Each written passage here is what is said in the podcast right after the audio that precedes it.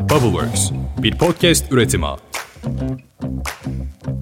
Portekizce'de artık olmayan veya giden birine ya da bir şeye duyulan sürekli özlemi anlatan bir kelime var. Saudade. Bu bölüm sürekli olarak özlediğimiz ama son günlerde özlemini çok daha derinden hissettiğimiz 2000'ler Türkiye'sini anmak ve hatırlamak için kaydedilmiştir. Yani 2000'ler Türkiye'sinin günlerine bir Saudade kaydıdır.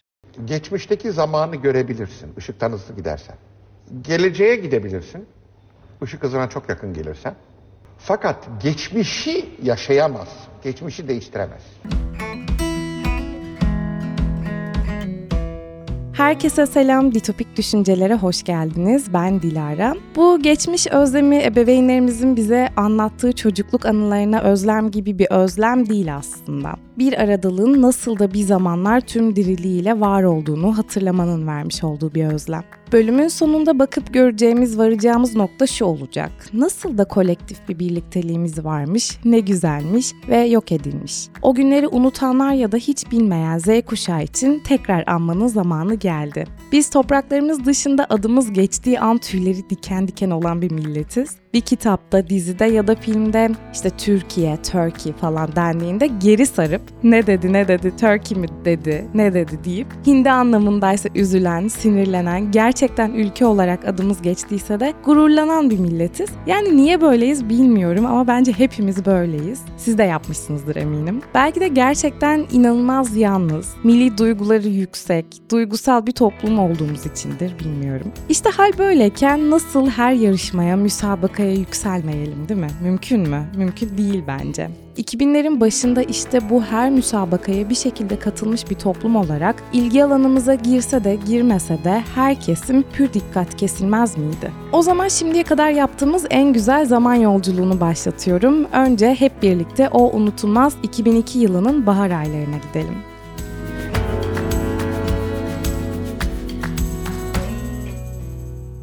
Çok iyi biliyorsunuz neden gittiğimizi 2002'ye. 2002 Dünya Kupası'na giriş yapıyoruz. Güney Kore ve Japonya'da gerçekleşmişti hatırlarsanız. Bu Dünya Kupası'nda Türkiye tarihinin en yüksek başarısı olan dünya üçüncülüğünü de elde etmiştik. Benim bu Dünya Kupası'na dair hatırladığım sahneler ise haberlerden izlediğim, birlikte heyecanla izlenen maçlar, 7'sinden 70'ine büyük bir heyecan, Tarkan'ın altın çağlarındayken yaptığı unutulmaz Bir Oluruz Yolunda şarkısı ve bizi yarı finale taşıyan İlhan Mansız'ın altın golünü ağlayarak izleyenler ve üçüncülüğün topluca kutlandığı anlar. Yani anlatırken bile çok duygulanıyorum ve çok heyecanlanıyorum. Şimdi de o zamanlardan çok da uzaklaşmadan 2002 yılının Aralık ayına gidelim hep birlikte. Ben o zamanlar 6 yaşındaydım herhalde yani o yaşlardaydım. Ama hayal meyal hatırlıyorum yine. 2002 yılında Star TV'de düzenlenen Türkiye Güzellik Yarışması'nda Azra Akın diye bir kız birinci olmuştu ve bu yarışma sonucunda da Miss World yarışmasına katılmaya hak kazanmıştı.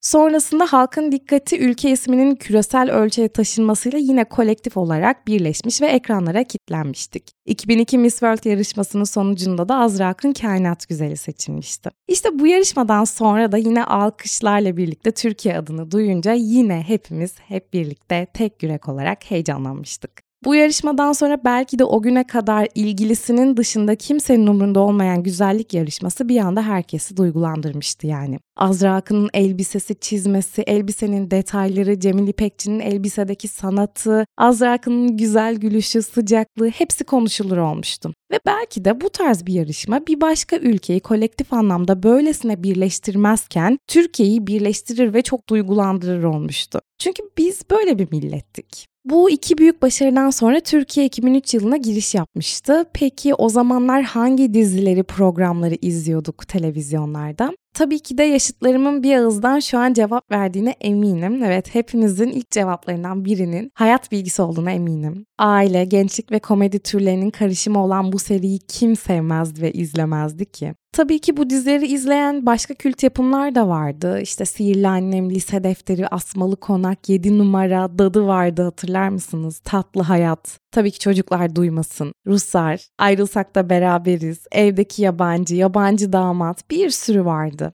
Eminim aklınıza daha başkaları da geliyordur ve tek mafyasının Kurtlar Vadisi olduğu başka da öyle çok kelli felli mafya dizisi olmadığı resmen kaliteli bir Netflix zamanlarımız varmış televizyonlarda. Yani baksanıza o zamanlar Türkiye'de ortak payda da bir şeyler varmış. Ve o da neymiş biliyor musunuz? Mutlu aile ve birliktelik. Düşünün yani ölümün bile ayıramadığı aşıklar, ruhsarla mahsar, ayrılsalar bile ayrılamayanlar, bir arada yaşayan yedi numara hanesi, çocuklar duymasın sıcaklığı, peri de olsa fani de olsa aile olanlar. Yani işte mutlu aile, mutlu toplum diyemez miyiz o zamanlar için? En fazla entrik Asmalı Konak'ta vardı. Onda da yine aşk var, yine şehvet. Nereden bakarsan kaliteli yapımlar yani. Her akşam mutlaka bir dizisi de vardı her ailenin. Biz de onların bu keyfini teknoloji tasarım ödevlerimizde bozardık değil mi haftanın belirli günlerinde? Bir de mutlaka akşam 9'da kırtasiyeler kapanınca aklımıza 40 çeşit fon kartonuyla ve malzemeyle yapılacak ödevlerimiz gelirdi. Sonra anne babalarımız nasıl bulalım bu saatte bu malzemeleri deyince de ağlama seanslarımız başlardı. Evet ben de ailemi bu konuda bayağı kızdırmıştım. Acaba şimdiki çocuklar hala defter kaplatıyor mudur annelerine babalarına yoksa o adet bitmiş midir? En güzeli ise sabahları ev ahalisinden önce uyanıp televizyonun başına geçip en sevdiğimiz çizgi filmi izlemekti. Çocukluğu 2000'lerde geçmiş herkesin bir favorisi vardır eminim. O zamanlarda televizyon kuşağında yayınlanan Şirinler, Jetgiller, Taş Devri, Ninja Kaplumbağalar, Teletabiler ve Pokemon bence hepimizin favorisiydi. Şu an bana bayağı ilginç gelen şey ise televizyon kanallarının bu çizgi filmlere bayağı bayağı yer veriyor olması. Yani mesela Şirinleri erken saatlerde izlerdik. Öğlen haber bülteninden sonra da Ninja Kaplumbağalar yayınlanırdı. Dolayısıyla bir gün içinde bir sürü çizgi filmi televizyon kuşağında izliyor olurduk. Fred Çakmaktaş'ın ayaklarıyla arabasını sürmesini mesela evde hiç denediniz mi? Ya da jetgilleri izlerken büyüyüp anne babalarımızın yaşına gelince herhalde böyle bir dünyaya yaklaşırız ya da böyle bir dünya olur diye düşündünüz mü sizde? Ya da orman benzeri bir yere gittiğinizde acaba gerçekten Şirinler Köyü var mıdır diye etrafınıza bakındınız mı? Yok Dilara o kadar da değil diyorsanız kız erkek fark etmeden taso biriktirdiğimizi konuşalım o zaman. Pokemon'la başlayan taso biriktirmelerimiz Beyblade'in popüler olmasıyla bizim dönemin en önemli koleksiyonu haline gelmişti. Birbirimize tasolarımızla hava atıyorduk. Ama tabii kızlar için belki bu bir yere kadar ilgi çekici oluyordur. Benim için bayağı ilgi çekiciydi gerçi ve bu taso biriktirme adeti adetinin en önemli kaynağı da bakkallardı tabii. Ya bakkal diye bir şey vardı ya. Yani tekel, market falan değil, bakkal.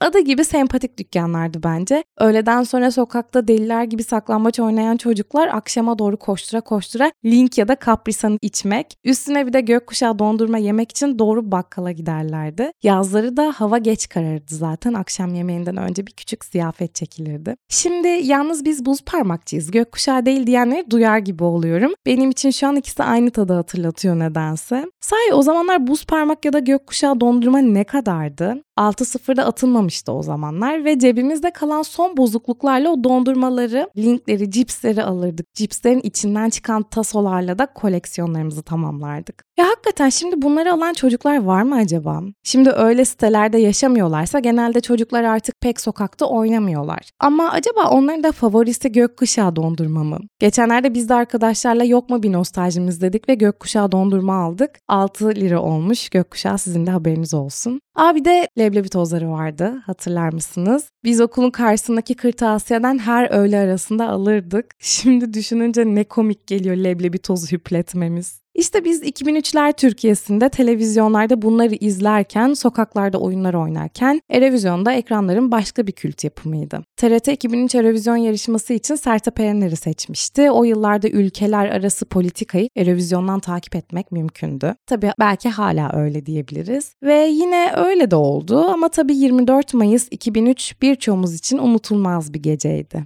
Letonya'nın başkenti Riga'da düzenlenen Eurovision şarkı yarışmasına belki de ilk kez çok iddialı bir şarkı ve isimle katılmıştık. Özellikle puanlama anında tüm Türkiye tek yürekti bence çünkü Türkiye son saniye golüyle birinci olmuştu. Bülent Özveren'in naif ve güzel anlatımıyla birinci olduğumuzu gurur gözyaşları içinde böyle izlemiştik. Evet, Eurovision tarihimizdeki ilk Eurovision birinciliği işte böyle gelmişti. Aslında ilk ve tek. Yani 2003 yılındaki Eurovision birinciliğimiz bize bir kez daha sokaklarda, evlerimizde hep birlikte yine kolektif bir şekilde mutlu olmayı, eğlenmeyi, birlik olmayı, heyecanlanmayı tattırmıştı. Öylesine güzel bir duyguydu ki sanki ülke hep baharlarda gibiydi. Üstelik o zamanlarda da kriz vardı ve 2001 ekonomik krizinin etkileri hala devam ediyordu. 2000'ler böyle akıp giderken tüm Türk popunun hem de Tarkan'ın altın çağlarındaki şarkılarıyla, spor müsabakalarıyla, kutlamalarla, müzikle geçerken ülkenin gençleri de eğlenmek ne demek biliyordu. Kaliteli müzik dinlemek ne demek biliyordu. Çünkü imkanları vardı. 2000'li yıllara damga vuran gençlerin doyasıya müzik dinlediği ve kaliteli konserlere katıldığı Rock'n'Coke Festivali'nde tek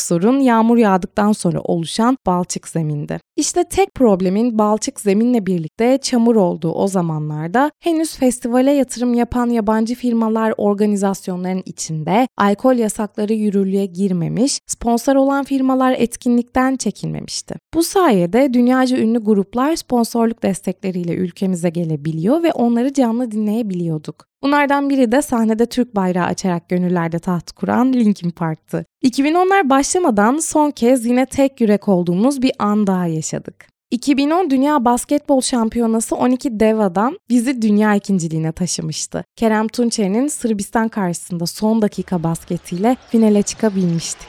Ah, ne büyük heyecandı. Kerem Tunçeri, Kerem Tunçeri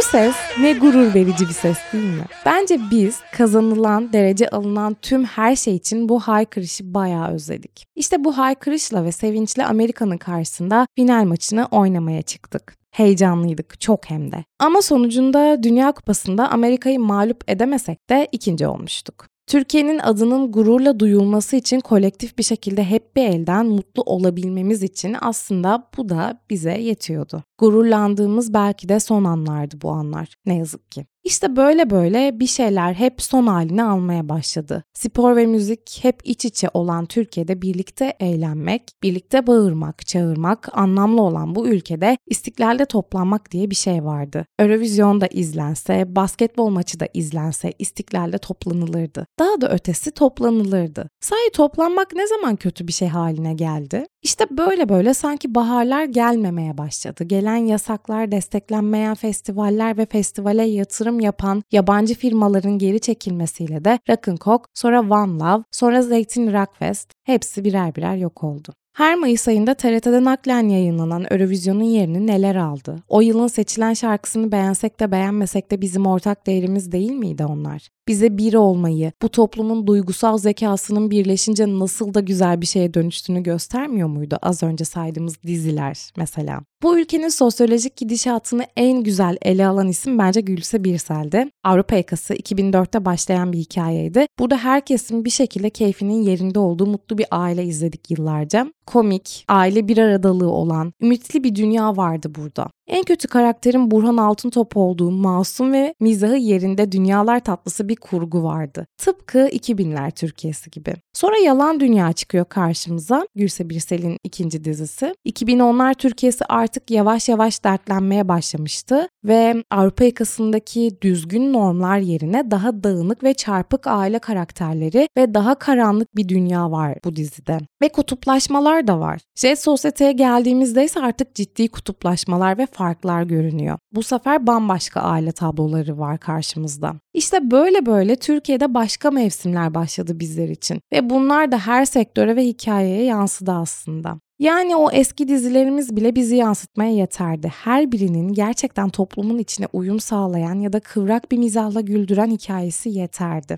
Şimdi mi? Şimdi her şey inanılmaz bir dünyada ve her biri ayrı bir gibi bölümü kadar ilginç. Her şey yavaş yavaş tatsızlaşmaya başladı yani. Önce müziğin sesi kısıldı, sonra müzik yasağı geldi, sonra saat sınırlaması geldi. Festivaller gitti, heyecanlanılan spor başarıları elimizden bir şekilde alınmış gibi hissediyorduk hepimiz. İşte böyle böyle kolektif birliktelik baharların gelmemesi gibi yok olmaya başladı. Sanki şöyle hissediyorduk, birlikte heyecanlandığımız ne varsa yok oldu. Halbuki bize en çok yakışanı birlikte gülmek, birlikte haykırmak, birlikte mutlu olmaktı. Sanata, müziğe, spora yapılan yatırımlar maddi manevi azaldığı için elimizden birlikte olma hissi de alınmış oldu. İşte o zaman elimizde başarısız ve heyecansız milli takımlar, eskilerini aratan şarkılar, televizyonlara yapılan yavan mafya dizileri, tarihi sadece dizilerden ibaret olarak görülen bir dönem ve heyecanı öldürülmüş bir millet kaldı. Oysa biz bundan çok daha fazlasıydık. Oysa baharlar bundan çok daha yeşil ve renkliydi ve çocukluğumuz gerçekten çok güzeldi. Sokaklar daha cıvıl cıvıl, şarkılar daha anlamlıydı. Yani biz eski günlere anne babalarımızın çocukluklarını özlediği gibi bir özlem duymuyoruz. Çünkü onların özlediği bir daha geri gelmeyecek eski günler. Eski adetler, eski tatlar, eski yüzler onların özlediği. Ama bizimki sanki biraz daha farklı. Yani bizim özlemimiz bir noktaya kadar geri gelmesi mümkün olacak bir geçmiş. Bu yüzden özlemimizde biraz öfke, biraz kırgınlık var. Bu yüzden sadece özlem değil, bu saudade denilen kelime. Bu yüzden sürekli ve derinden. Baharlar uzun süredir gelmiyor olabilir ama ne demiş Birhan Keskin? Baharın gelmemek gibi bir huyu yoktur. İlla ki gelir. E bu bölümünde veda vakti geldi. Batarken güneş ardında tepelerin, geldi veda zamanı teletabilerin. Hoşçakalın.